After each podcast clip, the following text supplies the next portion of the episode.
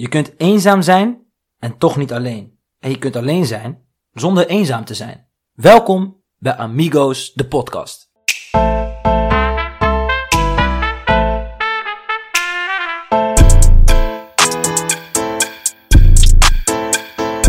Ja, lieve jongens en meisjes. Amigos en amiguitas. Bij weer een nieuwe aflevering van Amigos, de podcast. De podcast waarbij drie amigos met verschillende achtergronden vanaf nu jouw wekelijkse vriendengroep zijn. Waar we bij elkaar komen om te chillen, van elkaar te leren en te sparren over alle uitdagingen in het leven. Taboes en oppervlakkigheid kennen we niet, want wekelijks zoeken we met een dosis humor samen met jou de diepgang op. Aflevering 4. We zijn er weer. We zijn van start weer, man. We De amigos zitten weer bij elkaar, boys. En eh, met deze week een eh, speciale gast. Ja, Maar we hebben voor het eerst een eh, vierde amigo erbij. ja. Hij moet zich in ieder geval vereerd voelen, vind ik. Wen alvast aan zijn toonhoogte, aan zijn pure enthousiasme in zijn stem. Want ehm, ja, hij brengt toch heel veel positiviteit op die manier mee. Zeker, zeker. Welkom Martijn. Ja, jongens, dankjewel. Dankjewel. Maar eigenlijk, eh, Wat een energie. Wat een energie. Martijn, eh, leg, leg eens uit, leg eens uit. er waren ooit vier vrienden. het zijn er nu nog drie. Helemaal in het kader van, eh, van het thema deze week, eenzaamheid, hebben we Martijn uitgenodigd. omdat elke zaterdagavond eh, is die behoorlijk alleen. Dat wil je ermee zeggen, toch? Ja, ja nee, ik heb Jerry gebeld of ik alsjeblieft een keer langs mocht komen, want ik miste jullie wel. Ik vind het gezellig dat je er bent, bro. Yes, en ehm, waarom hebben we Martijn eh, laten aansluiten? Dat is eh, omdat wij elke week introduceren ik het vaste trio. Vorige of, week eh, niet. voor, of we doen het op een andere manier, maar we introduceren altijd onszelf. Ja. En het leek ons ook wel eens leuk voor de luisteraars om vanuit een andermans oogpunt ons voor te stellen. Dus Ja. het beeld wat wij naar buiten vertonen, buiten de podcast om. Martijn heeft iets voorbereid, dus ik wil hem graag het, eh, het woord geven. Martijn, eh, zou jij ons willen introduceren? Nee, maar eh, ja, om jullie voor te stellen, om jullie voor te stellen. Jullie zijn best wel complex, maar als we het over Shaka hebben, dan hebben we het toch altijd eigenlijk wel over een serieuze en gemotiveerde jonge man, hè. Ik heb Shaka nooit horen altijd bezig met zijn toekomst en ik denk eh, voor velen een, eh, een voorbeeld, voor jonge mensen vooral. Om even politiek correct te blijven, zoals Mo in jullie podcast ook is. Wat een mooi woord. Maar dan gaan we het nou gewoon echt doen zoals jullie ook zijn en zoals ik ook ben. Een mootje, ja, als ik hem niet zou kennen en ik krijg hem aan de telefoon, zou ik iemand met een bloempotkapsel en een butrels voor me zien. Eigenlijk meer, meer verkaasd dan dit, dat bestaat niet. Maar hij is wel altijd in voor gezelligheid en een feestje, dat zie je dan wel weer. Misschien een beetje te vol, maar daardoor ben je wel de ideale knuffel bij elkaar. Ik vind het nu al leuk. Dankjewel leuk Martijn. gezegd. Ja, ja, hey, eh, mij slaan we over deze week, dus... eh, Nee, nee ik ben hier, Jerry hier wacht ik juist oh. op. Ja, dan hebben we Jerry nog. Ja, mijn notities, eh, hij stond vol, maar ik heb er een klein stukje van gemaakt. Want eigenlijk wil ik niet te veel woorden vuil maken aan deze nare vent. Jerry, ja, veel te zelfverzekerd. Extreem vol van zichzelf. En het laatste wat ik er eigenlijk over wil zeggen. In de podcast de vriendelijke host, maar in werkelijkheid gewoon een extreem nare vent. Arrogante kerel is het ook. hè? En meer wil ik niet over deze jongen kwijt. Nou, dankjewel, mooie woorden Martijn. Ik, eh, ik zie mijzelf hier eh, niet echt in terug, maar eh, ja. Ik wel hoor.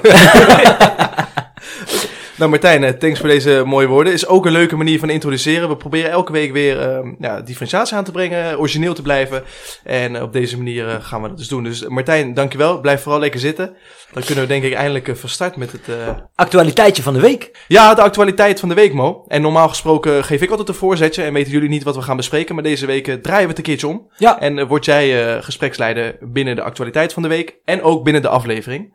Eh, dus eh brand los. Ja, gespreksleider vind ik wel een, een hele grote eh, eer en verantwoordelijkheid. Maar laten we vooral veel druk op mijn schouders. Maar laten we inderdaad over de actualiteit van de week eh, maar beginnen. Want eh, vandaag ehm, is het zaterdag. Eh gisteren op vrijdag eh, ben ik helemaal in de ban geraakt van een nieuwe applicatie. Ik denk oprecht dat deze de wereld gaat overnemen. Een aantal eh, die, die kennen het denk ik al wel. Maar om even een beeld te schetsen. In deze week zijn er meer dan 30.000 downloads van de app bijgekomen. Helaas voor de Android-liefhebbers. Hij is nog alleen beschikbaar voor een Apple. Of een, in ieder geval voor een Apple-systeem. En eh, nu denk je natuurlijk, hoe heet deze app? En ehm, de app heet Clubhouse. Oh, de spanning was om te snijden, maar ik was echt benieuwd wanneer je de naam bekend ging maken. Kijk, kijk, kijk, hij komt toch? Geduld hebben is een schone zaak en dat zie je maar weer. Maar eh, om even de Clubhouse toe te lichten. eh, wat is het nou? Wat doet het nou? En waarom ben ik er helemaal van overtuigd? Het is een applicatie die eigenlijk eh, ja, de podcast tot een nieuwe dimensie laat leiden. Om, om- als ik het zo mag invullen. Ja, je maakt eigenlijk een account. Je hebt verschillende rooms waar je op kan aansluiten. En het is volledig voice gedreven. Dus je ziet elkaar niet. Je kan niet met elkaar chatten. maar je kan wel met elkaar praten. Ja, het is net alsof jij eh, aan- met iemand eigenlijk aan het bellen bent. Alleen Ja. dan zie je dan, hè, je zit in een eh, kamer met ook verschillende mensen. En ja, dan gaat het echt over alles en nog wat. Zeker weten, het is, het is een, het is een, het is een eh, wat je nu heel veel ziet, er zijn mensen die, eh, bijvoorbeeld BN'ers die deze week heel veel zijn aangesloten, QC en Bas Smit en, eh, eh, wie hebben en die van de meiden. Zelfs voetballers, Wesley Sneijder, Wesley. Elia zitten erop. Ja, Eh, ja, ja, en dat is eigenlijk super leuk, want je krijgt op deze manier toch wel een uniek beeld van zo iemand eh, mee. Eh, terwijl je normaal hè, heb je de, de Ja. media die eh ja, wilt schetsen, maar nu krijg je echt eh, ja, soms wel interactie. Ja. Maar het is ook leuk dat het gewoon live is, hè, want we kunnen dan niks eruit kn- knippen. Ja, en het chill is dus, je hebt altijd een, een room waar je je kan aansluiten en dat is gebaseerd op jouw interesses. Dus in principe als jij iets leuk vindt, dan, dan kan je daar ja, bijvoorbeeld aangeven van tevoren. Bijvoorbeeld wij vinden podcast leuk, dan kan je dat als, als voorkeur aangeven en dan krijg je dus ook rooms te zien die daarop aansluiten. En we geven alvast een kleine, kleine, kleine verrassing.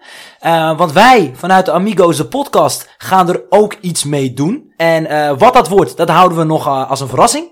Maar in de komende eh, weken eh, krijgen jullie toch wel eh, ja, te zien eh, en de mogelijkheid om wellicht wel eh, ja, met de Amigos eh, in een live variant te, te, te gaan spreken en te praten. Ja, en de bekendmaking gaan we doen via Instagram. Ja, ja. Eh, Amigos, eh, de podcast. Volg en ons. eh, ja, inderdaad, als je ons nog niet volgt, eh, volg ons. Want eh, we gaan echt hard. Hoeveel volgers zitten we, Jerry? 151. Zo! Ja, nee, nee.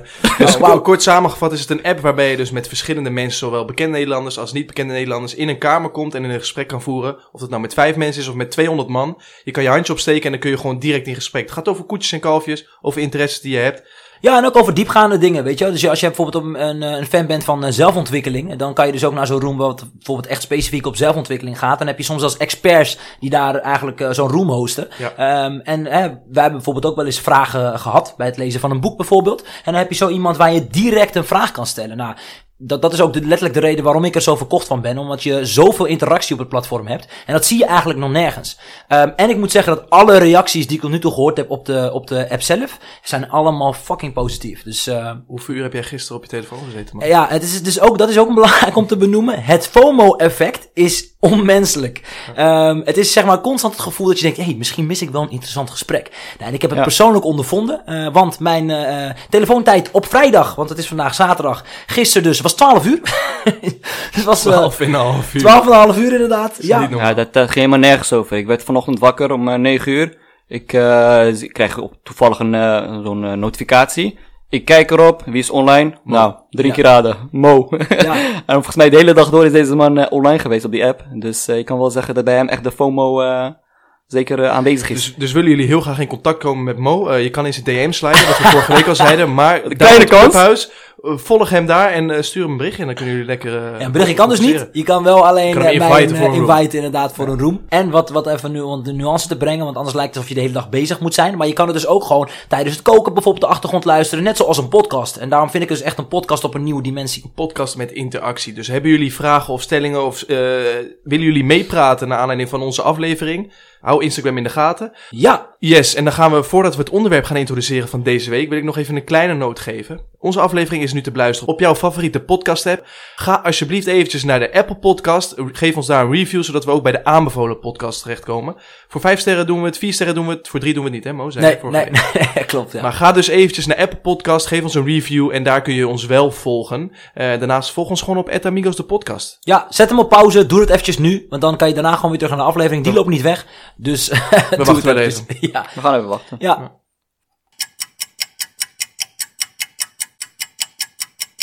Five minutes later. Yes, oké, nou dankjewel voor de review. Geweldig. Laten we het onderwerp gaan introduceren. We gaan het vandaag over een, eh, een, een ja, misschien wel uh, zwaar beladen onderwerp, om het even zo te zeggen, voor veel mensen. Dat is ook iets wat we in de podcast zelf gaan behandelen.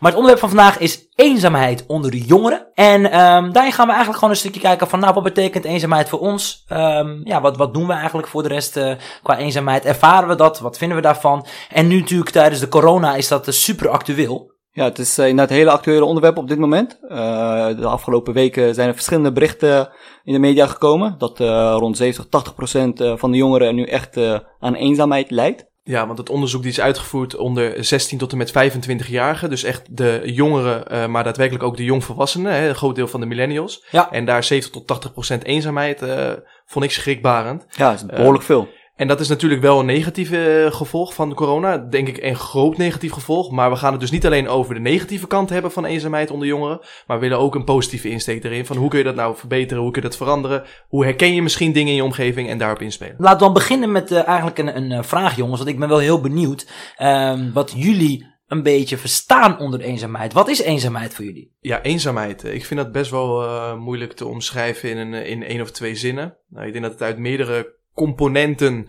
bestaat. Eh, wat voor mij eenzaamheid is. En als je zegt eenzaamheid, denk ik meteen aan wat oudere mensen. eh, die ik dan in hun eentje boodschappen zie doen of over straat lopen. Of eh, waarvan de familie niet meer op bezoek komt. Gerard Joling en, en Gordon hadden daar ook een televisieprogramma Ja. op voor de ouderenfonds.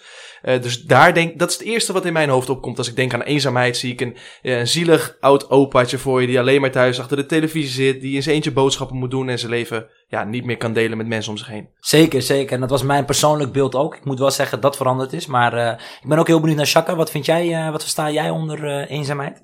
Nou, als ik eh, denk aan eenzaamheid, dan eh, denk ik eh, dat er een soort van eh, je- een, een gevoel, hè, je, je mist iets in jouw leven. Eh, dan is het ook vaak, denk ik, een soort van emotionele band die je mist met eh, nou, de relatie die je hebt. Eh, maar het kan ook zo zijn dat je, hè, ook al heb je goede relaties en heb je veel vrienden om je heen, dat je alsnog je eenzaam kan voelen. Dat, dat versta ik denk ik ook wel onder eenzaamheid. Want dan heeft het te maken met dat ja, je soort van niet vindt dat, er, dat je erbij hoort. En, en eigenlijk hoor ik bij jullie beiden eigenlijk twee vormen van eenzaamheid. Er zijn er in totaal drie. Eh, want Shaka spreekt eigenlijk over emotionele eenzaamheid. Dus, dus echt eh, het, het missen, het niet verbonden voelen met iemand. Eh, terwijl Shaka, of eh, Jerry eigenlijk spreekt over sociale eenzaamheid. Dus, dus het niemand om je heen hebben. Waarbij we natuurlijk meteen denken aan een oud opaatje die alleen is. Ehm, dus dat, dat is wel grappig. Ehm, weet jullie wat het derde toevallig is? Het is een heel moeilijk woord, maar ik ga het toch benoemen. Existentiële eenzaamheid. En het is iets wat de afgelopen jaren een beetje omhoog is gekomen. Hij kwam er wel goed in één keer uit, Mo. Jawel, hè? Zo, ja. Klasse. Ja, dat ging nog aardig goed. Ik had, eh, hem zo even uit de mouw, hè? Ongelooflijk. Echt een multitalent. Ja, ja. Nou, vorige week de spoken words heeft hem echt goed gedaan voor zelfvertrouwen. Hè? Want je ziet hoe makkelijk die praat. Ja, ja, het is eh, ongelooflijk. ja, het gaat een stuk makkelijker. Dankjewel, Jerry. Ga Dankjewel. nee, ehm, existentiële eenzaamheid. Ehm, En, nog een keer gewoon. Echt knap. Zal ik hem nog een keer doen? Existentiële eenzaamheid. Mooi. En- Hoe schrijf je dat? Ehm nee, daar gaan we niet aan beginnen. nee, maar ehm, de afgelopen jaren is, is deze eenzaamheid eigenlijk steeds meer aan het licht gekomen. Eh, vroeger eh, ja, waren we hier eigenlijk niet zoveel mee bezig. Maar als ik zeg zingeving, waar denken jullie aan, boys? Nou, zingeving. eh, Zingeving in het leven. Ja, wat is de zin van het leven of zo? Ja, of heeft je leven betekenis... eh zij is je leven betekenisvol. En dat is precies waar existentiële eenzaamheid over gaat. Het gevoel waarbij je eigenlijk een beetje kijkt van oké, hey, ehm, en je voelt je hierbij verloren. Je hebt een zwevend gevoel. Je hebt je plek nog niet gevonden. En ehm, dat geeft je een gevoel van zinloosheid. Heeft dat te maken met een soort van eh, je eigen identiteit vinden en waar ga ik naartoe? Waar Ja. werk ik naartoe? Ja, is zeker. dat een beetje... Ja, ik weet niet precies of dat, eh, dat het daar de essentie van is. Volgens mij is het een soort eenzaamheid die geboren is uit luxe. Eh, Omdat wij eh, ons leven nu zo luxueus hebben ingericht... dat we daardoor ook daadwerkelijk tijd en aandacht in gaan stoppen. Vroeger was natuurlijk alleen maar ons bestaan overleven. Hè? Eten vinden, eten, drinken vinden om te overleven. Zeg maar, om zo lang mogelijk in leven te blijven. En nu dat eigenlijk die voorwaarden al gecreëerd zijn... ga je ook nadenken van oké, eh, mijn leven moet ook zin hebben. Ik moet ook dingen doen waar ik energie van krijg, wat ik leuk vind. En volgens mij, als ik je zo hoor... is dat Ja. het groot onderdeel van. Exi zo. Ja, dat komt Ja, niet is wel moeilijk. Jij moet nog even oefenen. hè? Existentiële... Existentiële. Existentiële eenzaamheid. Eh, dat is een beetje geboren uit luxe als ik jou zo hoor. Precies wat jij uitlegt, Jerry, is waar het vandaan komt. En daarom heeft het dus de afgelopen jaren juist steeds meer eh, ja, een belangrijke rol gaan spelen. Eh, en Shaka geeft eigenlijk precies het omschreven gevoel van hè, wie ben ik nou? Ehm, ik, ik herken dat gevoel zelf toen ik bijvoorbeeld vanuit mijn HAVO eigenlijk doorstroomde naar mijn HBO. Ik dacht van, wat de fuck ga ik doen? Weet je, dat gevoel dus van zingeving. En dan ben je op die leeftijd misschien nog niet zo mee bezig. Ik denk dat je nu in deze fase daar nog meer mee bezig bent. Van wie ben ik en wat wil ik nou? En dan hebben we natuurlijk ook eh, in de vorige podcast hebben we het gehad over... eh, nou, als je 50 bent en even niet meer weet eh, wat je doet... dan gaat Jerry weer dansend en springend in een bar staan. Midlife crisis. Midlife crisis, ja, dat zeg je goed. Existentiële eenzaamheid kan zich dus ook laten kenmerken van als jij een bepaalde baan hebt of je doet dingen op het dagelijkse leven, maar je haalt er helemaal geen energie uit. Je bent eigenlijk niet op je plek. En dan ga je er dus over nadenken denken van, is dit da- daadwerkelijk mijn leven? Ja. Wil ik mijn hele leven zo in gaan richten met deze mensen om me heen? Nee, ik, ik, vind het, ik vind het een mooie samenvatting, Mo, dat je die drie eventjes kort uitlegt. En dan weten de, de, de luisteraars ook meteen over welke soort eenzaamheid we het dan hebben. En dan Precies. kunnen we dat ook duiden bij een eh, bepaald onderwerp. Wel, welke vorm van eenzaamheid hebben jullie daarbij ervaren? Ik zal zelf misschien ook even een aftrap geven. Dat geeft jullie misschien eh, toch wel even meer de ruimte om eh, je kwetsbaar op te stellen. Zoals dat zo mooi kan in deze podcast. Maar ehm, ik zelf heb eigenlijk eh, eh, nooit gesproken, of tenminste nooit ervaren hoe sociale eenzaamheid eh, ehm, is. Want ik ben eigenlijk altijd wel onder de mensen geweest. Eh, misschien wel een kleine periode toen ik eigenlijk verhuisde en op mezelf ging wonen. Dat ik me toch wel, eh, ja, ook de sociale contacten niet direct om me heen had. Ehm, dus, dus dat is misschien wel een vorm van sociale eenzaamheid. Maar voornamelijk de emotionele eenzaamheid. Dat was voor mij wel een ding, man. Oké, kun je dat toelichten? Ja, zeker. Ehm, kijk, ik kom natuurlijk uit, uit twee verschillende culturen. Ik ben geboren in Nederland, maar ik heb een Marokkaanse cultuur. En ehm, ja, soms kreeg je wel thuis eh, toch dat je op onbegrip duidde. Dat is helemaal niet, niet gek. Want het is gewoon eh, ja, een, wereld die misschien ook niet begrepen wordt nog. Of die houdt je toch vast aan de waarden die je zelf kent. En dan moet je toch wel een beetje je weg in vinden. En ik moet zeggen dat ik dat soms wel heel, ja, toch wel lastig vond. Van hoe, hoe, ja, hoe haal ik nou die twee werelden uit elkaar en hoe kan ik mezelf nou toch op een bepaalde manier presenteren waarbij ik me in beide werelden goed voelde. Dus soms leeft, ja, voelde het in die tijd ook wel alsof ik soort van twee kanten had. Dus eh, eentje, eentje, zeg maar, de westerse cultuur van de mensen, wat je zag, eh, wat er om je heen gebeurde, wat er van je verwacht werd op school, van vrienden, eh, et cetera. Ja, man. En aan de andere kant, je familie thuis, wordt er thuis van jou werd verwacht. Wat bots met de westerse cultuur natuurlijk. Nou, niet, niet per se bots, maar er waren wel verschillen. En, Ja. en, en daarin moet je dan wel je weg vinden van oké, hey, hoe ga je dat doen, weet je wel? En ik moet zeggen dat ik dat wel, eh, ja, als ik zo terugkijk nu, ik ben nu 26, eh, dat, dat vond ik wel echt eh, de puurste vorm van eh, eenzaamheid die ik zelf ervaren heb, man. En wat voor gevoel voelde je erbij? Ja, een beetje onbegrip, man. Dus je moet, gewoon, je moet gewoon beseffen dat als jij geen begrip krijgt van de ene kant, zo, die de cultuur dan bijvoorbeeld niet begrijpt, of de cultuur die juist die andere kant weer niet begrijpt. Dus dat was een beetje een soort van, ik zat in het midden. Zo voelt dat. En voelde het ook als een soort van dat je niet je gehoord voelde? Ja, man, zeker. Een beetje verloren. Had je altijd het idee dat je dan thuis ook bijvoorbeeld eh, eh, eerlijk kon zijn over alles en dat je alles kon bespreken? Of had je dan misschien gedacht van, hm, ik ga toch een beetje iets anders omdraaien, zodat je eh, geen rare blikken kreeg of zo? Ah, sowieso, dat heb ik zeker ook gedaan. Weet je, ik bedoel, je kan niet, sommige dingen kun je ook niet eerlijk zeggen. En, en dat wil niet zeggen of het goed of fout is, maar, en, en daar blame ik ook niemand voor hoor, wat dat betreft. Weet je, ik heb thuis, ik heb niks te klagen en nooit te klagen had, gehad. Ehm, dus, dus het is denk ik gewoon echt een kwestie van, ja, verschil in culturen en nog niet de Nederlandse cultuur op die manier kennen. Eh, maar aan de andere kant, eh, nu, als ik erop terugkijk, eh, ben ik juist blij dat ik dat proces heb doorgemaakt. Omdat het wel de persoon is wie ik vandaag geworden ben. Uh, Shaka, jij bent ook islamitisch opgevoed. Uh, herken je een beetje wat Mo zegt? Ja, ik herken me in, in die zin dat ik, uh, er zijn inderdaad bepaalde onderwerpen waar je het niet zo snel met je ouders of met je familie over hebt. Beetje taboes? Uh, taboes, uh, inderdaad, uh, dat klopt. maar ook gewoon omdat je, ja, het is niet echt binnen onze cultuur dat je over alles gaat praten. Bepaalde onderwerpen, ja, dat, dat wordt toch wel echt vermeden. ja, dus dat is, dat is soms wel lastig. en ja, ik kan wel zeggen dat ik dat ook wel heb ervaren. Maar ik vond het niet een gemis. In die zin van, ik kon altijd bij mijn vrienden terecht. En daar kon ik het wel mee over hebben. En dat vind ik wel denk ik het belangrijkste. Dat ondanks uh, dat ik niet bij me, bijvoorbeeld bij mijn ouders het kon bespreken. Ja. Dat ik daarnaast nog wel vrienden had waar ik hem mee wel kon doen. Want uh, het belangrijkste is wel uiteindelijk dat je het over gaat hebben. Ja, en, en daarin vind, ben ik het zeker met je eens. Ik had dat bijvoorbeeld met jou ook meer bijvoorbeeld, omdat jij natuurlijk uit diezelfde cultuur komt zoals mij. En bijvoorbeeld bij Jerry, die komt natuurlijk niet uit die cultuur. Dus dat stukje begrip is altijd soms een beetje in je achterhoofd van, misschien zal hij niet helemaal begrijpen. Snap je wat ik Ja, bedoel? ja, Terwijl, je, ik. dacht, ik, je, je was er altijd, dus dat, dat is sowieso no, uh, no hard feelings. Of tenminste, soft feelings.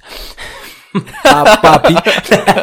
ik voel me bijna Martijn. Uh, blijven er binnenkort maar twee amigos over. Ik word langzaamaan weggepest hier. Wordt Jerry weggepest? Oh, Jerry een keer weggepest in plaats van ik. Een keer gepest. Je? Ja.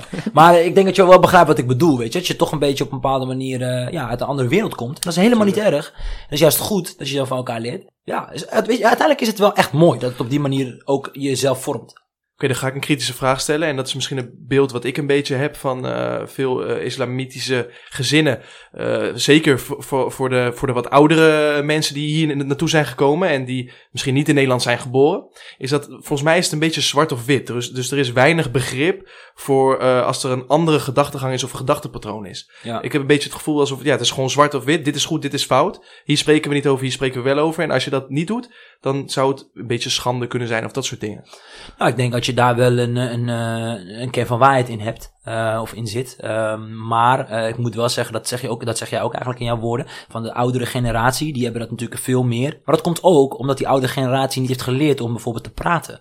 Weet je wel, in, in, in, een, eh, in een land als bijvoorbeeld Marokko, ja bro, hoe ga je over je gevoelens praten en shit? Dat werd gewoon niet gedaan, snap Dat, je? dat wordt echt niet gedaan. Dat, nou, hè, mensen praten liever niet gewoon. Snap je? Gewoon, nee, Gewoon beter praat je niet. Gewoon Precies dat, Zo, ja. zo snap je? Dus dat, dat is zeg maar die mentaliteit. En als je dan hier naartoe komt, waarbij je juist in de open cultuur en veel over je eigen gevoelens mag praten en, en nadenken, wat natuurlijk ook op begrip, eh, wat voor begrip zorgt. Want als jij natuurlijk kan overbrengen waar, hoe je over iets denkt, dan kan iemand uiteindelijk je ook begrijpen.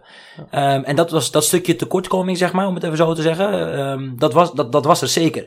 Maar ik vind ook, zeker in de tijd, eh, als je nu kijkt bijvoorbeeld, dat het echt bizar veranderd is. En dat juist ook in de opvoeding van bijvoorbeeld de verschillende culturen, dat je ziet dat er veel meer een open gesprek wordt aangegaan met de kinderen dan bijvoorbeeld vroeger. Dus dan zou je ook die eenzaamheid eh, binnen die cultuur die jij dan gevoeld hebt, die kun je dan dus later binnen, voor jouw eigen kinderen of voor jouw eigen familie, dan kun je daarmee dus ook... eh, Een Ja, andere draai aan geven. andere draai aan ja, zeker man, 100%. Hey, eh, maar dat is natuurlijk hoe, wat, wat ik ervaren heb. Ik ben wel eh, benieuwd, Chaka, wat, wat was voor jou, eh, wat, wat heb jij ervaren qua eenzaamheid? Ja, ik moet je eerlijk bekennen, ik ben, eh, nou, jullie kennen mij natuurlijk ook best wel goed. Ik ben wel iemand die eh, best wel op zichzelf is, kan zijn.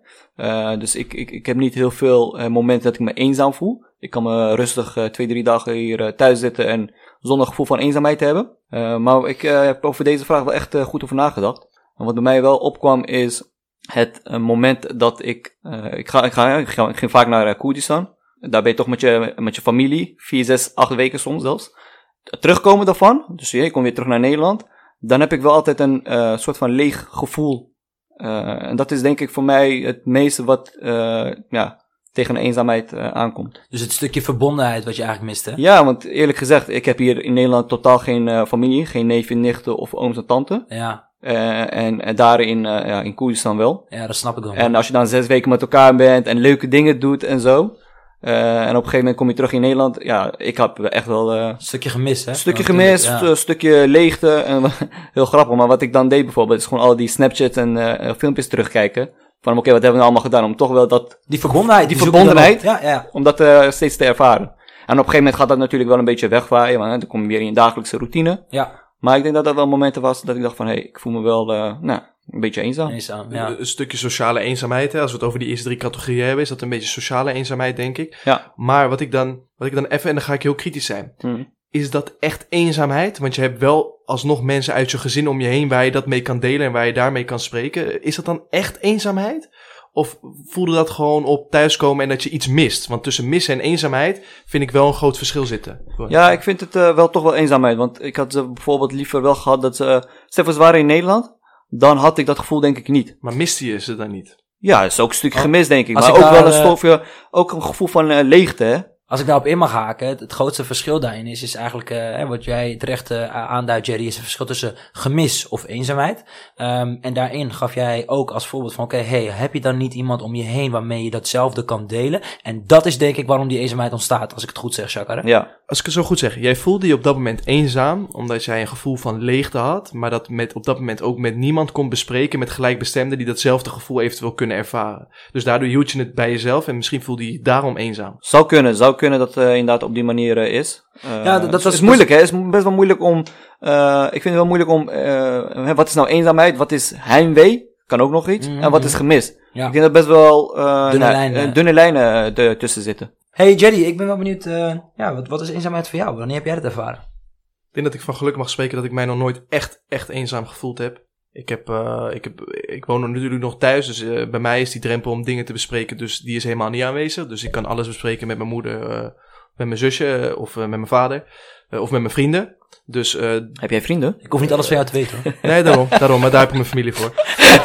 niet dat ik dat altijd deed trouwens, hè, niet dat ik dat altijd deed, maar ik had wel altijd de optie wanneer ik eventjes met iemand wou babbelen of zo, dan ging ik naar diegene toe. Of wanneer ik iets leuks wou doen, ik heb best wel een grote vriendengroep altijd gehad en hele goede vriendschappen om me heen. Dus altijd als ik dan wat leuks wou doen, had ik altijd wel iemand om wat mee te doen, zeg maar. Ja. Dus in het kader van die eenzaamheid, dat heb ik nooit gevoeld. Ja, de sociale eenzaamheid heb je. Ja, en ook over eh, eh, emotionele eenzaamheid eh, ja, heb ik eigenlijk ook nog niet echt gevoeld. Alhoewel, laatst kwam ik er natuurlijk wel achter dat ik ehm, ehm, een emotionele band met mijn zusje heel erg miste. Dus die heb ik eh, een beetje laten versloffen gedurende mijn puberteit.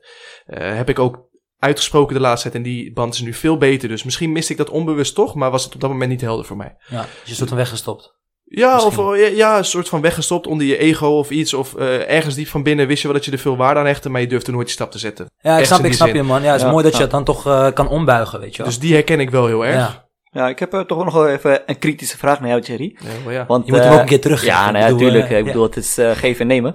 Ehm, maar je geeft net aan van dat je met je ouders heel veel dingen ook kon bespreken. Maar had je dan ook altijd het gevoel dat je begrepen werd? Of waren er ook wel situaties, eh, je bijvoorbeeld bepaalde dingen zei, maar je het gevoel had van, hé, ze begrijpen volgens mij mij niet. Eh, je, ja, die zijn zeker geweest. Ja. Die zijn zeker geweest. En hoe voelde je je dan op dat moment? Voelde je Nou niet ja, een bepaalde leegte? Of, Nee, dan had ik het toch wel geuit. Dus dan was ik het wel kwijt, zeg maar. Dan kreeg ik misschien niet de respons waar ik op gehoopt had. Ja. Mhm. Maar dan was ik het wel kwijt. En, ik- en, en ja, misschien is dat mijn verwarring met eenzaamheid. Eh, op dat moment voelde ik me wel gehoord. Ja. Eh, dus alles was bespreekbaar en ik voelde me gehoord. Maar of ik begrepen werd, ja, dat eh, vaak ook niet. Maar daar hecht ik dan weinig waarde aan. In ieder geval, het gaf geen gevoel van eenzaamheid. Het kan ook natuurlijk, het, eh, kritische, het kritieke punt, om het zo te zeggen, is natuurlijk de verbondenheid. Voelde je je wel verbonden op dat moment? Ja, want ze begrepen het, ze gaven wel advies. Maar dat advies kon ik dan soms eh, niet wat mee. Maar ze, ze, ze hoorden me wel. en ze van, waren eh, wel verbonden. Eh, als ik bijvoorbeeld bij mijn vader kwam met een probleem, wat hij qua karakter helemaal niet begrijpt, dan probeert hij dat wel te begrijpen. En dan gaat hij ook doorvragen en dan probeert hij toch van advies te voorzien. Ja. Dus dat stukje verbondenheid en dat begrip is er continu. Eh, dus ja, ik voelde me wel verbonden. Ja, en begrepen. Alleen het advies, dat ik ja, soms ook niks aan. Ja. Sorry papa, mam, als je luistert. Ik ga nog even toch wel even doorvragen hoor, want eh, zo makkelijk komt je die niet, interview deze. zo makkelijk komt die niet van mij af, eh, deze episode. We hadden ook net over van een soort van eh, je identiteit, eh, dat je die mist. Eh, ik hoor je al eh, zeggen van dat je hierover wilt hebben, dus eh barst maar los. Nou, gaan we emotioneel doen, boys? Of wat? nee, nee, hier heb ik wel heel lang mee geworsteld, man. Want dit, de- de- deze kende ik dus niet. Dus ik vond het wel interessant dat Mo deze net opperde als onderdeel van eenzaamheid. Zo heb ik hem nooit, eh, nooit bekeken. Ehm, eigenlijk, eh, toen ik weg was gestuurd bij FC Utrecht, eh, toen, eh, toen kwam ik, eh, kwam ik eh, met deze op de prop. Als ik hem nu lees wat hem inhoudt. Eh, ik heb altijd gedacht van, of gehoopt dat ik profvoetballer zou worden. Ja. En op dat moment, eh, na zeven jaar, valt je droom in duigen. Dan moet je opeens wat anders gaan verzinnen. Wat ga je dan met je leven doen? En ik Ja. had geen flauw benul. Ik kan me Ik heb voorstellen dat op dat moment dat je echt denkt van oké, wat ga ik nu echt doen in godsnaam? Ik denk dat je ook in een soort gat valt, toch ook? Ja. Van, Eh, eh, Letterlijk in een zwart gat. Want ik zou daarna een opleiding gaan doen met jou samen, Mo. dat Commerciële was ook geen succes, hè? Was geen succes. Eh, Daarom doe ik er ook acht jaar over. Ja. Kwijt aan Jerry. en maar dat was dus wel die zingeving. Ik zat daar op die opleiding. Ik vond het echt geen moe aan. Ja, man. En Ja. ik, heb, ik heb denk ik oprecht denk ik drie of vier jaar over gedaan om weer de juiste weg te gaan kiezen. En Ja. dat klinkt heel dramatisch, maar om gewoon uit te zoeken, oké, wat wil ik voor mezelf? Waar wil ik naartoe? Welke opleiding past daarbij? Eh, dus ja, dat was best wel een moeilijk. Zoektocht, hè? was best wel een zoektocht. Eh, ik heb misschien ook te veel op één paard gewet. Maar even, Eh, want ja. eh, ik vind het wel interessant van, eh, voor de luisteraars dan, hè, misschien zitten zij in zo'n situatie. Mhm. Hoe heb je dat opgepakt? Veel besproken met mensen om me heen. Hm. Maar ik heb eigenlijk een. eh, ik ben toen gaan werken. En ik ben wel continu blijven onderzoeken welke opleidingen bij me zouden passen. Dus ik heb altijd wel het gevoel gehad, ik ga nog naar school. En toen had ik daar een mentor, een leidinggevende van mij, eh, eh, Johan Kramp, die ken je ook, eh, Ja, ja, zeker, man. En die deed een opleiding en die, die, die ontfermde zich zeg maar over mij. En die herkende heel veel van mij in zichzelf terug. Niet dan op voetballend gebied, maar wel die zoektocht. Ja, ja. En toen heeft hij mij een, een betaalde test laten uitvoeren. gebaseerd op mijn eigenschappen en welke opleiding daar het meeste bij past. Betaald vanuit Bosveld, vanuit mijn werkgever Ja, toen de tijd. En op die manier ben ik dus bij mijn eh, huidige opleidingen gekomen. Dus eh, vooral heel veel hulp vragen en uiten wat voor gevoel je erbij hebt. Van ik weet, ik wil iets doen, maar ik weet niet wat. En ik denk dus eigenlijk begint het dan bij het stukje eh, open zijn. Je open, je kwetsbaar opstellen. Door eigenlijk Ja. aan te geven van nou dit is waar ik mee zit. Ja. Maar dan denk ik ook dat het heel belangrijk is wie je dan maar treft. Want als jij eh, Johan in dit geval eigenlijk niet getroffen had. Hij niet op die manier met jou om was gaan. Dan was je misschien nog steeds in die zoektocht gezeten. Ja, dan had ik uiteindelijk wel een opleiding eh, gedaan en afgemaakt. Want daar was ik van overtuigd. Maar of dat de opleiding was die bij mij gepast had. En daadwerkelijk voor die zingeving had ge- ge- gezorgd. Waar we het nu over hebben. Die ex- Ja, dat blijft moeilijk. Blijft moeilijk, hè? existentiële eh, eenzaamheid. Eh, ja, dat eh, was dan weer een tweede vraag geweest. Maar Ja. goed, ik ben er goed vanaf gekomen. Maar iedereen in mijn omgeving had goede bedoelingen. Met veel adviezen. Maar niemand begreep echt wat, wat, eh, wat het voor mij betekende dat ik was weggestuurd. Dat ik geen contact kreeg. En dat, dat, is, dat, is precies, dat is precies het stukje wat, wat ja, eigenlijk echt duidt op eenzaamheid in, in, in emotie. Dus dat, Ja. je, dat je echt op zoek bent naar die zingeving. Laten we, laten we doorgaan naar de volgende stelling, Mo. Ja, ja, ja. Ik heb, eh, nou hebben we het, eh Chakra noemde, benoemde het eigenlijk net ook al, over de culturen. Dat er soms wel een taboe heerst op bepaalde onderwerpen. Eh, nou, ik vind het eigenlijk wel benieuwd of jullie praten over eenzaamheid zien als een taboe. Gebeurt het genoeg? Ik denk het niet. Ik denk niet dat het eh, veel gebeurt. E- eerlijk gezegd, hè, wanneer is de laatste keer dat wij over eenzaamheid hebben gehad? Ik denk nog nooit, man. Volgens mij nog nooit. Over echt, echt, zeg maar, het stukje eenzaamheid. Misschien wel een kleine glimp, hè. Als je Ja, af en toe iets, tuurlijk, iets af laat weten. Een, kleine, een klein deel daarvan. Ja. Maar niet echt hoe we het nu over hebben. Nee, ik zit ook te denken oprecht van, eh, ja, als ik eh, met mijn vrienden wil gaan chillen of iets dergelijks, eh, of gaan we het even over, laten we het even over eenzaamheid hebben. Ja, dat jongens. doe je laten niet we het lekker over het deprimerende gevoel hebben, bij wijze van. En dat is denk ik de gedachte die heel veel mensen hebben. Ja. Maar ja, wij kennen geen taboes in deze podcast. Ja. Dus daarom willen we dit ook bespreekbaar maken. Helemaal als je ziet hoeveel jongeren er nu onderaan eh, lijden. Ik denk dat Ja, dat is heel actueel punt, op dit moment. Ja, sowieso, man. En, en eigenlijk is de eerste stap heel makkelijk, want je moet gewoon iemand zoeken waar je mee kan praten. Maar is dat makkelijk, bro? Ja, maar dat is het dus. Het, het klinkt Als heel eenzaam makkelijk. bent. Ja, als je eenzaam bent is het heel moeilijk, maar eigenlijk is het heel makkelijk, want net zoals ik nu met jou praat, dat is eigenlijk wat je ervoor moet doen. Ja, nou ja, ik denk dat het bij ons wel makkelijker is. Kijk, wij kennen elkaar best wel lang. eh, eh, we- en we hebben over verschillende onderwerpen gehad. Dus op een gegeven moment heb je het wel het gevoel van, oké, dit is een veilige omgeving, hier kan ik het over hebben. Ja. Ik kan me heel goed voorstellen dat bij al sommige vriendengroepen dat niet is, hè, die veilige omgeving. Ik denk dat het best wel moeilijk is hoor, voor jongeren om dit eh, te bespreken. Heel erg, want je toont je zwakte, hè? En als Precies, jij, eh, kwetsbaarheid. We zijn allemaal, we leven in een groep dieren, zeg maar. Dus we zien, we zien al snel een prooi. En als jij je kwetsbaar opstelt en je toont een zwakte, dan gaat iedereen er gebruik van maken. In ieder geval, dat zit in je hoofd. Daar ben je misschien bang voor. En dat begrijp jij wel als alfamannetje, hè? Dat begrijp ik zeker, man. Nee, maar dat, dat begrijp ik helemaal niet meer. Maar ehm, als jij niet de juiste mensen om je heen hebt en je wilt toch een eh schreeuw om hulp, zeg maar, dan denk ik dat er wel een taboe op zit. Dat je het niet durft. En hoe zou je dat nou kunnen doorbreken? Wow, dat vind ik een goede vraag, bro. Ik denk dat dat een goede vraag is voor de maatschappij. Eh, wij zijn natuurlijk ook geen psychologen, maar we kunnen er wel over filosoferen zoals we nu doen. Ik zou dat echt niet weten, want je kan... eh, Elke situatie is weer verschillend. De ene is eenzaam, ja. want die heeft geen familie om zich heen. Die heeft geen vrienden om zich heen. Je weet wel, dus dat is heel Ja. En je hebt ook hè, de verschillende, eh, eh, hoe heet dat, eh, verschillende eh, eh, type eenzaamheid. Ja, dus volgens mij bij elke type is wel een andere manier. Ja, ik denk dat het wel allemaal met communicatie te maken heeft. Als je met elkaar praat, dan kan je zowel eh, sociaal, hè, dus dan ben je met elkaar in contact, maar ook emotioneel kan je dan een band eh, vormen. Dus dat, daar, daar hangt het zeker mee samen. Maar ik denk dat het wel goed is om toch even bij een verschil te staan tussen kortdurende eenzaamheid en langdurige, eh, langdurige eenzaamheid. Ja. Want op het moment dat jij een dagje eenzaam bent, ja, dat is minder erg dan dat jij dat bijvoorbeeld drie, vier maanden ervaart. En daarnaast denk ik dat het ook steeds zichtbaarder wordt binnen de maatschappij. Dus de taboes die verschuiven wel een beetje. Ja, er wordt steeds meer besproken. Wat ik bijvoorbeeld dus net ook al aanhaalde van Gerard Joling en Gordon. Die hebben op een hele ludieke wijze met een superleuk televisieprogramma. Hè, hebben zij toen enorm reclame gemaakt voor het ouderenfonds en wat zij deden. En daardoor kwam een stukje eenzaamheid onder ouderen kwam wel enorm hoog op de agenda. Was actueel, mensen spraken erover. En daardoor gingen toch mensen misschien denken van... hé, ik ga even naar mijn buurman van 80. Ja, tuurlijk. Even aankloppen, even ja. een bakje koffie doen. Dat, eh, dat eh, helpt denk ik ook enorm. En dat Ja. doen wij nu op die manier. Dat doen heel veel influencers denk ik ook. Of heel veel, steeds meer. Steeds meer inderdaad, En ja. daardoor durven jongeren zich misschien ook meer open te stellen. Eh, boys, ik zag vandaag iets in de AD. Eh, namelijk dat het eh, kabinet komt met een eh, sociaal noodpakket van eh, 200 miljoen euro. Hadden we het een keer tijd en na een jaar corona. Ik, vond het, ik, ik, vind het, ik Tegen- vind het nog zo weinig. Maar tegen, goed, ja, tegen eenzaamheid en eh, de, de corona-kilo's.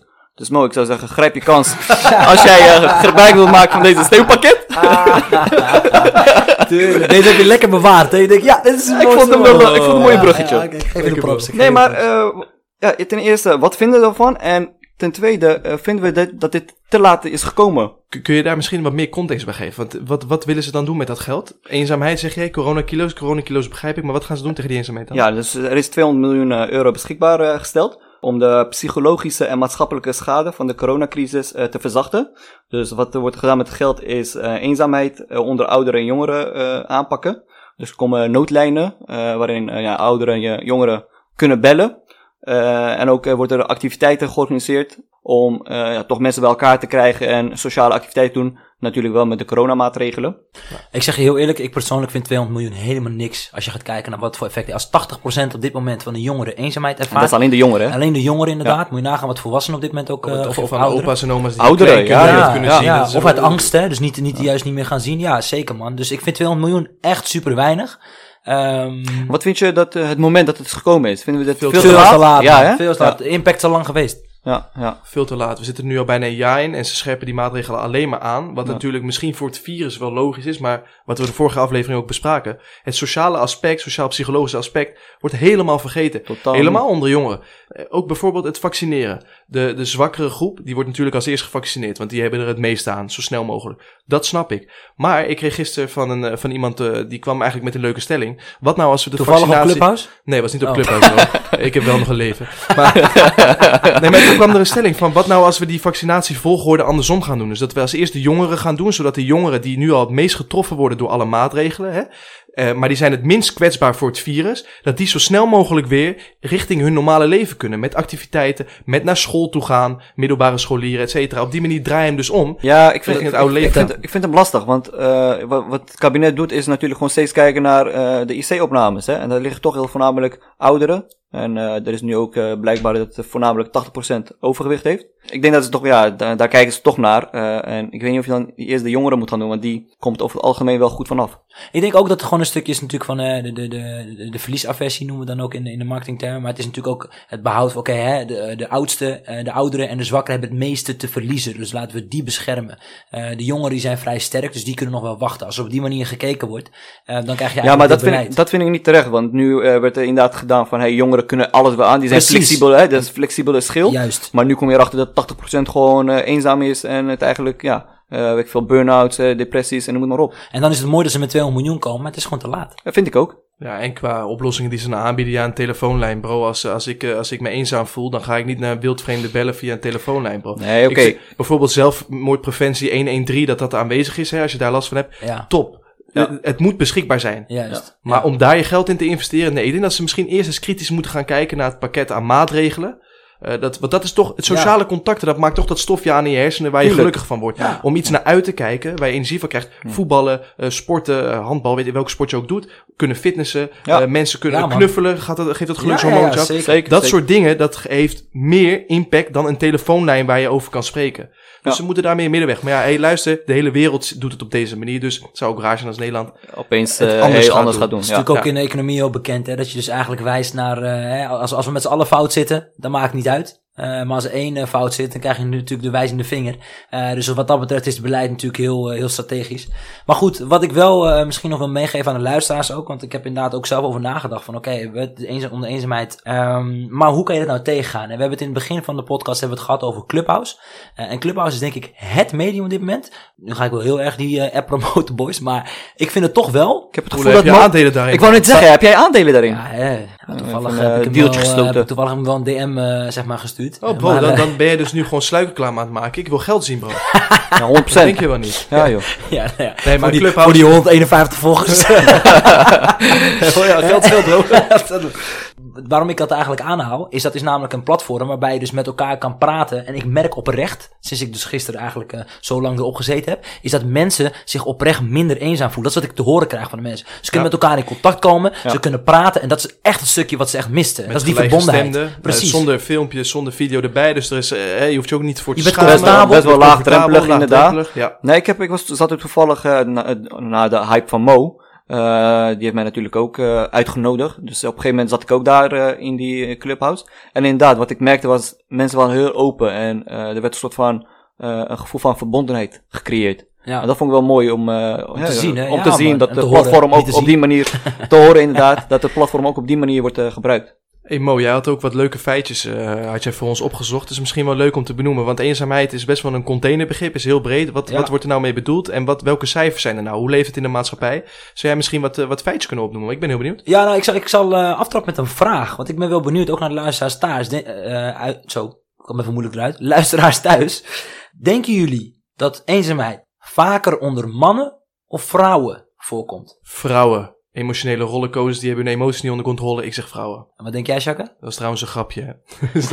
Voordat ik de hele Lek je maar heel snel in. Dit is hoe Jerry over vrouwen denkt. Ja, Nee, nee, nee, grapje. Nee, nee, nee, nee, nee, nee, nee. Maar eh, ik zou ook zeggen vrouwen, maar ik denk dat het man is. Een soort van plot twist. Ja, het is een strikvraag. Want Oh, is is oprecht dat er geen verschil is? eh, dat, dat, is, eh, dat klopt, Jerry. Het Oh, is inderdaad geen verschil. Oh, is maar verschil. wat je, wat je wel ziet. Nou, wat je, wat je wel ziet, is, is eh, ehm, eigenlijk, eh, wat jij goed omschrijft, Jerry. eh, je brengt het nu wel eh, als een soort van eh, ja, denigerende opmerking, als ik het zo mag noemen.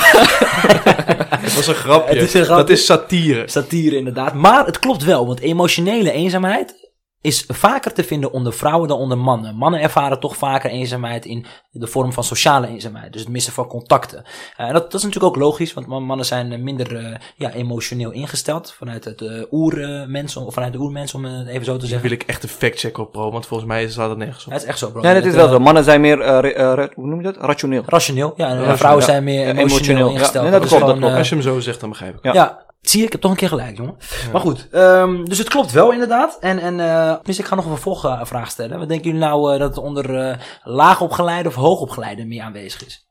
Ehm, ik denk moeilijk. persoonlijk, ehm, eh, ik denk laag opgeleide. Ik denk het ook. Ik heb niet echt een eh, goed argument daarvoor, maar... Beetje onder, onderbuikgevoel. onderbuikgevoel, of zo. ja. Eh, dat zij misschien ehm, wat sneller, ge- ge- eh, als je het ook over rationeel hebt, eh, denk ik dat misschien de wat hoogopgeleide en wat rationeler nadenken.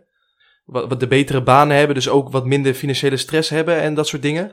Ja, Ehm, maar dus ja, je hebt ook wat meer geld, dus je komt misschien wat in andere communities terecht en je hebt wat minder stress. Dus ik denk misschien dat dat ook een reden kan zijn. inderdaad, onder laagopgeleide eh voelt 17% zich eh, eenzaam. Mensen die moeilijk rond kunnen komen, daaronder is 17% eenzaam. Eh, onder mensen die bijvoorbeeld geen moeite hebben met rondkomen, is dat maar 6%. Dus Er zit ook nog verschil. wel echt een, groot echt een verschil, groot verschil. Eh, maar eh, wat ook interessant is, mensen die bijvoorbeeld een betaalde werk, eh, betaald werk kunnen uitvoeren, daar is eenzaamheid maar 6% aanwezig. En mensen die geen werk hebben, is gewoon een verdubbeling, is 12%. Dus moet je nagaan waarom die groei zo groot is geworden tijdens de corona. Want mensen hun banen verliezen. Dus die eenzaamheid die gaat alleen maar nog meer toenemen als straks de crisis ook nog gaat doorvoeren. Ja, wel, wel, wel, ik denk dat dat ook wel logisch is. Want als jij een eh, werk hebt, dan eh, zit je, ben je de hele dag omringd door collega's waarschijnlijk. Ja. Dus dan heb je toch een sociale kring om je heen. Ja. Ja, En dat scheelt natuurlijk. zingeving. Nou, niet, eh, niet alleen zingeving, maar ook gewoon een sociale contact. Als jij, eh, als jij bij, in de bijstand zit en alleen maar thuis zit, bij wijze van, dan heb je veel minder contacten met mensen dan eh, als jij eh, op de werkvloer bent. Ja, ik kan hier, eh, dat kan ik zeker beamen, Jay. Want ik weet nog, toen ik eh eh, moet, thuis moest gaan werken, eh nou, dat hakte best wel in. eh, want ik zat hier eh, in mijn eentje bijna vier dagen in de week. Want ik ben ambtenaar, dus ik heb de drie dagen weekend.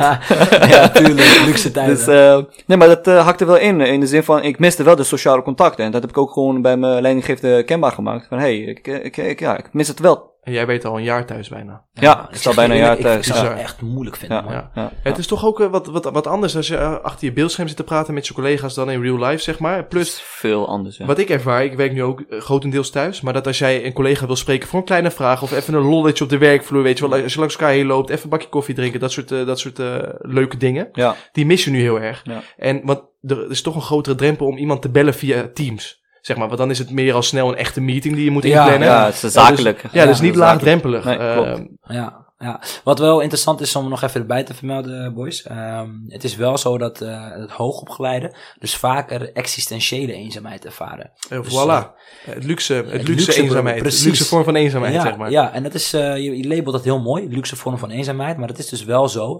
Daarnaast heeft het ook te maken met letterlijk het, het, het opleidingsniveau. Op het moment dat jij eigenlijk eh, minder hoog opgeleid bent en dus sneller tevreden bent in het leven, eh, dan ben je minder op zoek naar die zingeving. En vaak zijn hoogopgeleiden veel meer op zoek naar van oké, wie ben ik, wat kan ik, zijn er veel meer mee bezig. En daardoor hebben ze dus ook meer last van die zingeving. Kan dat ook ermee te maken hebben dat je als hoogopgeleide bepaalde doelen steeds stel- stelt voor jezelf? Eh, waar Jacques het vorige week over had, onder andere, dat het eh zwakte is van de mens dat het nooit genoeg is. Dus dat je brein continu meer wil. Dus als jij hoogopgeleid bent, wil je steeds meer, steeds meer, steeds meer. En dan kom je dus eigenlijk nooit op de plek waar je wilt zijn, want er is altijd weer iets nieuws. Zeker en dan je voel je je misschien ook eenzaam. 100 procent. En zeker niet als je genoeg voor jezelf afbakent van oké, wanneer is een keer genoeg? Precies. Ja, ik denk dat het ook eh, in verband is met eh, de piramide van eh, Maslow. Want Ja. het begint met eh, de basisbehoeften, eh, onderdak, eten, eh, noem het maar op. Eh, het tweede niveau is eh, nou, verbonden voelen in een groep. En het derde eh, stuk van de piramide is het stukje erkenning. Ja, Snap je? Dus eh, dat is wat mensen steeds streven. En als jij die erkenning niet krijgt voor de dingen die je doet, ja, dan blijf je maar gaan, blijf maar gaan om die erkenning te krijgen. En voor de mensen die het niet kennen, het principe werkt eigenlijk zo dat je de onderste treden eerst moet hebben voordat je naar de tweede treden kan en voordat je daar weer naar de derde treden kan. Eh, dus op het moment dat mensen dus echt die erkenning opzoeken, dan hebben ze die onderste tweede treden eigenlijk heel goed gedekt. Hè? Dat is wat je Ja. zegt, Jacques. Hè? Ja, absoluut. Ja. Hey, Ik kreeg ook nog een, eh, een kijkersvraag even tussendoor. Wat is in jullie ogen eenzaamheid? En hebben jullie, nou die hebben we al behandeld hè. En hebben jullie wel eens echte, echte eenzaamheid ervaren? En dan echte eenzaamheid duiden ze op dat je op dat moment wanneer je iets leuks wou doen, dat je daadwerkelijk echt niemand om je heen had om dat te doen.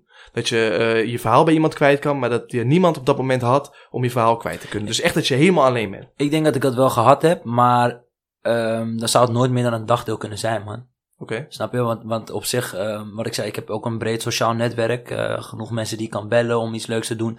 Dus als, je, als ik dat echt had, dan kon ik wel zoeken. Natuurlijk, iedereen was een keer gehad dat, dat je eigenlijk net die vriendengroep opzocht, maar dat die niet konden. Mhm. Maar ehm, ja, in de puurste vorm, niet langer als een dagdeel, als ik voor mezelf spreek. Is het dan eenzaamheid of niet? Het is eenzaamheid, ja man.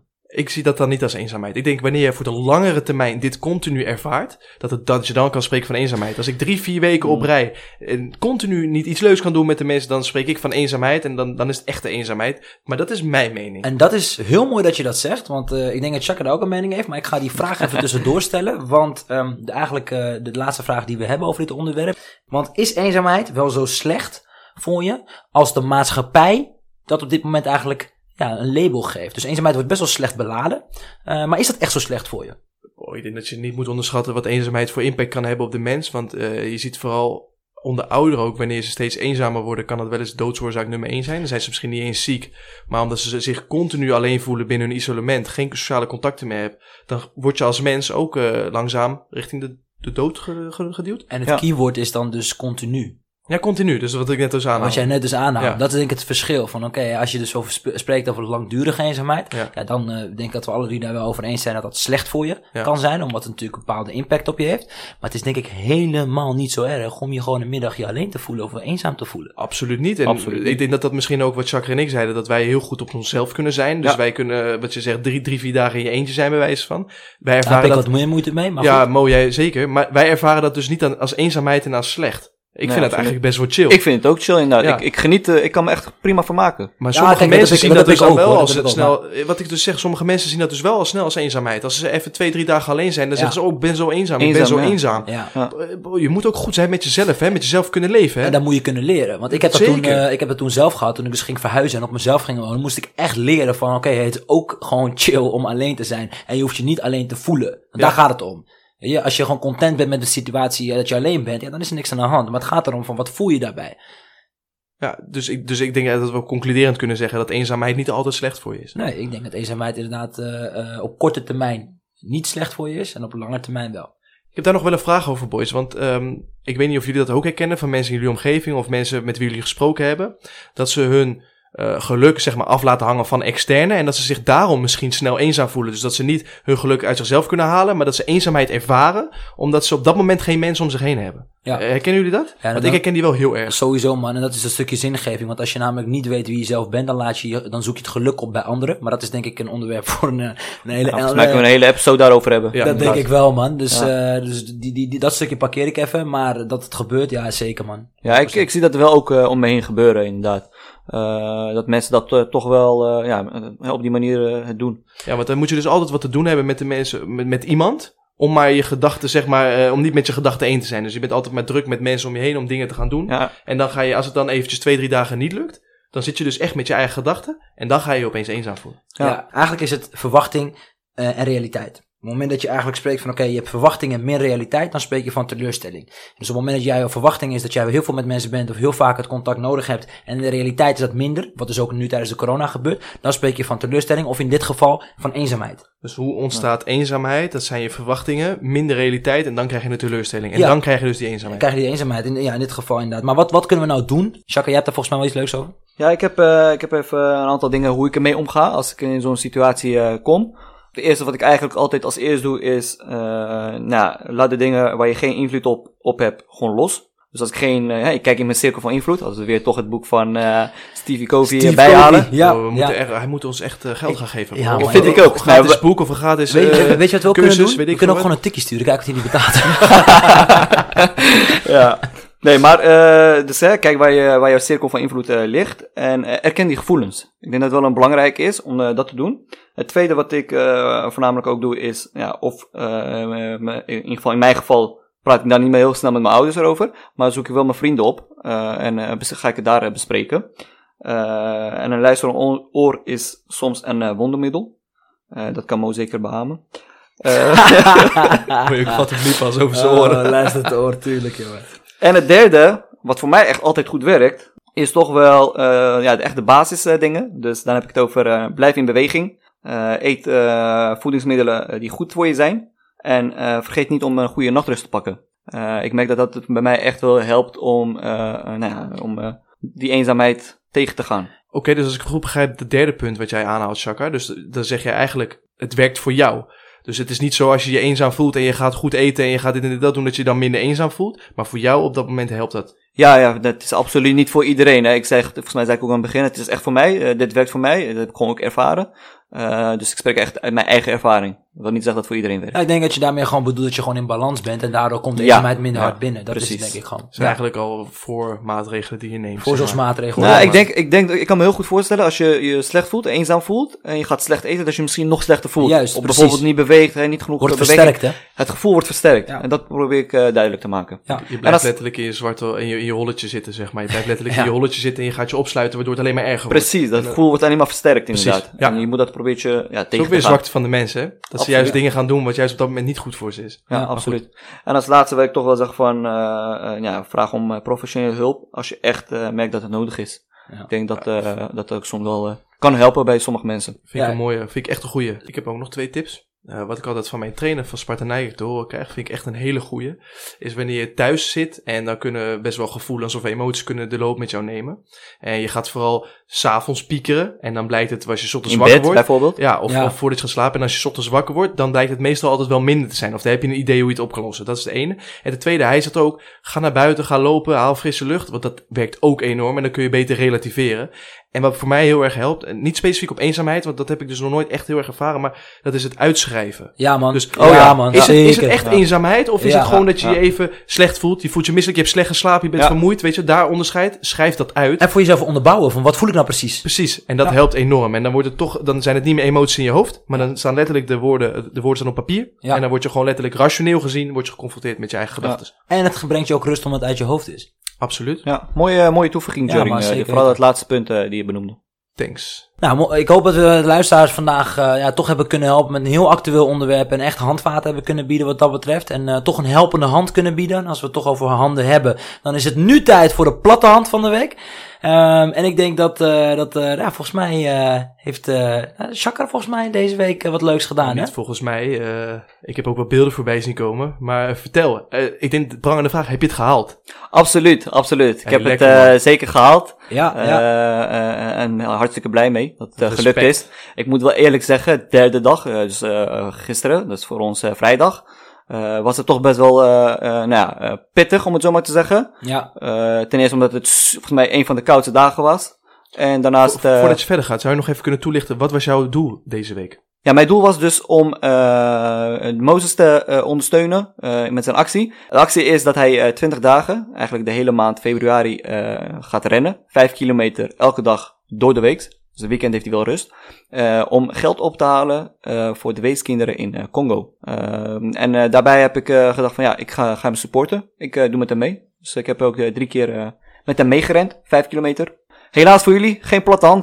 Nee, nee, nee, nee. Je bent safe. En ik, wat, wat ik al zei vorige week, ik, zou, ik was heel blij als je deze had gehaald. En eh, uit, uit solidariteit heb ik natuurlijk ook zelf een dagje meegelopen. Ja. Vond ik echt eh, wel pittig hoor. Dat ik, de laatste keer dat ik ben gaan hardlopen was vorig jaar maart, dus echt voor de corona. En eh, wat zeker. ook wel leuk, eh, we gaan natuurlijk ook een eigen donatie doen vanuit Amigos de podcast. Hebben we het over gehad. Jerry weet er nog niks van, maar die gaat ook meedoen. Ja, voor de kijkers thuis, of voor de kijkers, luisteraars thuis. ehm, mocht je nou willen doneren, eh, check Moses even. Of eh, DM ons eh, Amigos de podcast op Instagram. En deze week gaan wij eh, een nieuwe platte hand van de week doen. En dat gaan wij dus met z'n drieën doen voor het eerst. Ja, dus er is niet meer één iemand per week de lul, zeg maar. Of niet de lul, maar die wordt uitgedacht. Maar we gaan nu alle drie tegelijkertijd één challenge doen. En Chaka zit te popelen op zijn op zijn stoel. Want Chaka die heeft een challenge verzonnen. Ja. Die we alle drie moeten gaan uitvoeren Wat heb, deze je, week. wat heb je, Ja, ik- let's wat go. heb je bedacht, bro? Ik kan je geruststellen, het is geen fysieke challenge, jongens. Gelukkig. Dus eh, dat, dat scheelt alweer. Maar ik heb een eh, leuke challenge. Ehm, deze challenge heb ik van eh, Steve Harvey. Zegt eh, die naam jullie? Ja zeker man. De dating expert, talkshow host. eh, Die Amerikaanse De presentator. De ex-schoonvader van Memphis Depay. Ja, Precies. Met die ja, snor. ja, Ja, ja, ja, het enige wat jij, eh, wat jij weet is zijn dochter natuurlijk, die heb je onthouden. Daar zou ik wel, Weer typisch Jerry dit, hè? daar zou ik wel bij in de DM slijden. Zeker. nou, je kan een oproepje doen als je wil. Hello die darling, listen to me. I'm Jerry Goods from the Netherlands. Uh, I'm the host of Amigos the podcast. You know, if you want to hook up, huh? we are all let's go. We are all lonely this times, but I'm coming for you, and we go together in quarantine. Quarantine. So let's go. Ja. Nee, maar eh, deze komt eigenlijk van hem. Hij heeft een eh, video op eh, YouTube. Stevie Harvey eh, Vision Board. En de eerste filmpje die je dan ziet, klik erop. Ehm, hij zegt dat wij als mensen te weinig vragen naar de dingen die wij in het leven willen. Ja, ik ga het nu even aan jullie vragen. Wat is de laatste keer dat jij echt gewoon hebt gevraagd aan het universum? Of als je echt mm, in een, go- een God gelooft, dat je aan God eh, hebt gezegd van, hey, ik wil dit hebben. Of ik wil dat hebben. Kun je dat herinneren of dat jullie dat hebben gedaan ooit? Ik doe dat bijna dagelijks, bro. Oké. Ja, man. Maar echt gewoon dingen die je echt wilt hebben van, hey, ik wil bijvoorbeeld... Ja, ik, Ja, maar echt concrete dingen. Behalen mijn een nieuwe Ja, auto, weet ik veel, dat soort dingen. Vraag ik gewoon elke dag, man. Oké, dat is mooi, dat is Aan mooi. wie, aan wie moet ik dat vragen dan? Nou, kijk, als je in God gelooft, dan nou, doe je dat, eh, doe, hè, dan doe je dan God. Maar je kan ook gewoon uit het universum. Je vraagt eigenlijk het universum van, hey, ik wil dit hebben. Het gaat erom dat je het gewoon uitspreekt. Ja, ja, nee, dat heb ik niet gedaan. Alleen dat ik tijdens corona zeg, oh, ik wil hier vanaf, ik ben er klaar mee. Ja, En ik wil weer fit worden. Ja. Eh, maar dat, nee, dat niet. Nee, nee. nee, maar dat, dat, dat, dat zijn ook dingen die je dan ook gewoon kan benoemen. Oké. Terugkomen op de challenge. Eh, wij gaan 300 dingen opschrijven die wij willen hebben. 100 p persoon hoop ik. Nee, nee, nee, nee. PP, 300 pp. En dat kan van alles zijn. Het kan, Steve Harvey zijn dochter, telt hij ook? mag ook. In jouw geval. In jouw geval mag het ook. Oké. Dus dat betekent 300 dingen die je wilt. En nu komt het. Ik durf te wetten, bij nummer 75, je hoofd krijgt een error. Waarom zeg je dit? Ik heb het zelf een paar maanden geleden geprobeerd. Eh, het is mij niet gelukt om die 300 eh, op te schrijven. Bij nummer 65 was, ja, ik kreeg gewoon een hele zieke error. Mag ik vragen wat de gedachte erachter is? Eh, de gedachte is dat je die dingen opschrijft.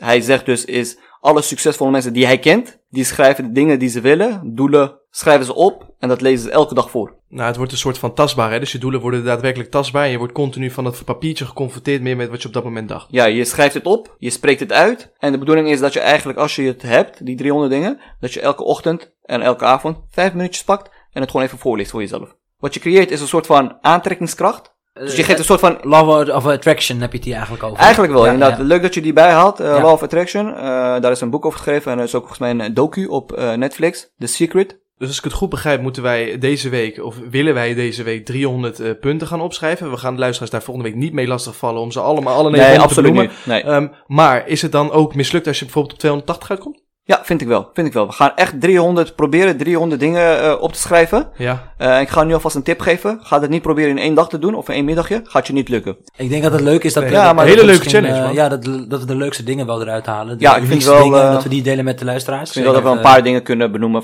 uit ons lijst. Ja. En ik wil eigenlijk ook de luisteraars eh, uitnodigen, of eh, challengen in dit geval, om dit ook te gaan doen. Ik ben Ja. wel benieuwd eh, eh, nou, wat eh, de mensen, dat, hoe ze dat ervaren. Ja, en welke dingen daarop komen. Dus mocht je ook iets, iets denken van, hey, dit is wat er mij komt en nou, en je wil die delen met ons, dan ben je van harte welkom. Ja, dan we sluiten natuurlijk altijd af met, met de tip van de week. Ehm, Kort maar krachtig. Ja, Ehm, ik heb wel een tip van de week en dat ga ik weer een andere podcast. ehm ja Eh, blijf maar promoten. promoten jij, hè? oh, ik heb weinig te doen, bro. Ik zit de hele dag podcast luisteren. luisteren. Eh, ja. super gaande de podcast. Al drie weken op rij de nummer 1 Ja, die mag je wel promoten. Eh, nummer 1 training podcast van Nederland. Eh, geweldige podcast. Lekker laagdrempelig. Als je gewoon een half uur lang gewoon even wil lachen met drie boys. eh, met frases zitten bij QC en SM. Eh, ga hem alsjeblieft checken. Het is echt kapot lachen. Dus het, is, eh, het is goud waard. Mijn tip van de week is eigenlijk gewoon heel simpel. Alle Apple-liefhebbers, open nu jouw telefoon. Download Clubhouse nu meteen op je telefoon. Wacht niet langer. Zorg gewoon dat je het doet. En ja, kom in contact dus met ook Amigos, de podcast. We gaan echt iets superleuks doen op Clubhouse. Ja, en waardoor je dus echt een soort die interactie kan opzoeken met elkaar. Dus download hem gewoon nu. De Android-liefhebbers, die moeten helaas nog even wachten. Want het is of koop een iPhone. Dat mag ook. Ja, wij zijn natuurlijk een liefhebber van iPhone. Dus download of uh, kopen nu een iPhone. En Jacques heeft volgens mij ook nog een tip van de week, hè? Ja, ik heb eigenlijk hem net al een beetje benoemd. eh, het filmpje eh, van Steve Harvey, Vision Board. Check dat even. Echt een hele toffe video. Dat is, dat is hem eigenlijk voor deze week. Ehm, daarmee sluiten we dit onderwerp af en gaan we vooruitblikken op volgende week. En daarbij eh, gaan we het volgende onderwerp eh, behandelen. Vriendschap. Vriendschap. Ja jongens, vriendschap. De Dat basis klopt. van eh, Amigos, de podcast, hoe het ontstaan is. Ja, wat is vriendschap nou voor ons? Hoe kan het nou dat we die band hebben met elkaar? Eh, leuke anekdote nog. We hebben deze een keertje geprobeerd om op te nemen. De Oh, eerste ja. keer. Dus het zou eigenlijk de eerste aflevering zijn. Ja. Eh, maar goed, door ons eh amateuristisch eh, gedrag. Ons gebrek aan eh, IT-kennis, laten we het zo noemen. En eh, we hadden geen zin om dat te forceren en opnieuw te gaan eh, uitbrengen. Dus we hebben gezegd, weet je wat, dat gaan we later eh, eh, eh, doen. Ja, ja, ik kijk er heel erg naar uit. Eh, ik ben benieuwd, want Vlammen is onder andere de baas van onze vriendschap. Dus dat gaat hopelijk volgende week lekker gebeuren. Heel Ja. laagdrempelig wordt die. Hè? We hebben nu eh, best wel twee diepgaande onderwerpen, of drie diepgaande onderwerpen al gehad. En nu gaan we volgende week lekker lachen met z'n allen. En, Ja. eh, We gaan jullie eh, bedanken jongens voor jullie tijd. boys, eh, dankjewel. Ik ga er ook vandoor. Ik sta aan de baas vanavond bij FC Avondklok. Het is bijna avond, avondkloktijd, dus ik moet snel naar huis toe. Ik heb geen zin om weer tot half vijf op bank te liggen. Yes, één, één kleine noot nog voor het einde en dan stoppen Oh, we echt weer mee. zingen? Nee, nee, nee, zeker niet. Stop Lieve hoor. luisteraars, hey, doe even een review. Dan hou je alles in de gaten en dank je wel. En help alsjeblieft Mo, die voelt zich zo eenzaam. Dus stuur gewoon even een e-mailtje naar Amigos de podcast. Steun gewoon hem. Eh, eh, heb je al een mail binnengekregen? Eerlijk. Eh, nou, nou, nou. Van we de- hebben wel wat mailtjes binnengekregen. Alleen, het gaat niet over de luisteraars. Maar wellicht wat samenwerkingen die daar zitten te komen. Dus ik hou jullie nog eventjes... eh, Heeft Mark Rutte op ons DM gereageerd? Mark Rutte, hoe Mark Rutte niet meer, man. Hey, ik denk, eh, hoe je oud, ik ga snel naar huis moeten rijden. Ciao. Yes, ciao, ciao. Ciao.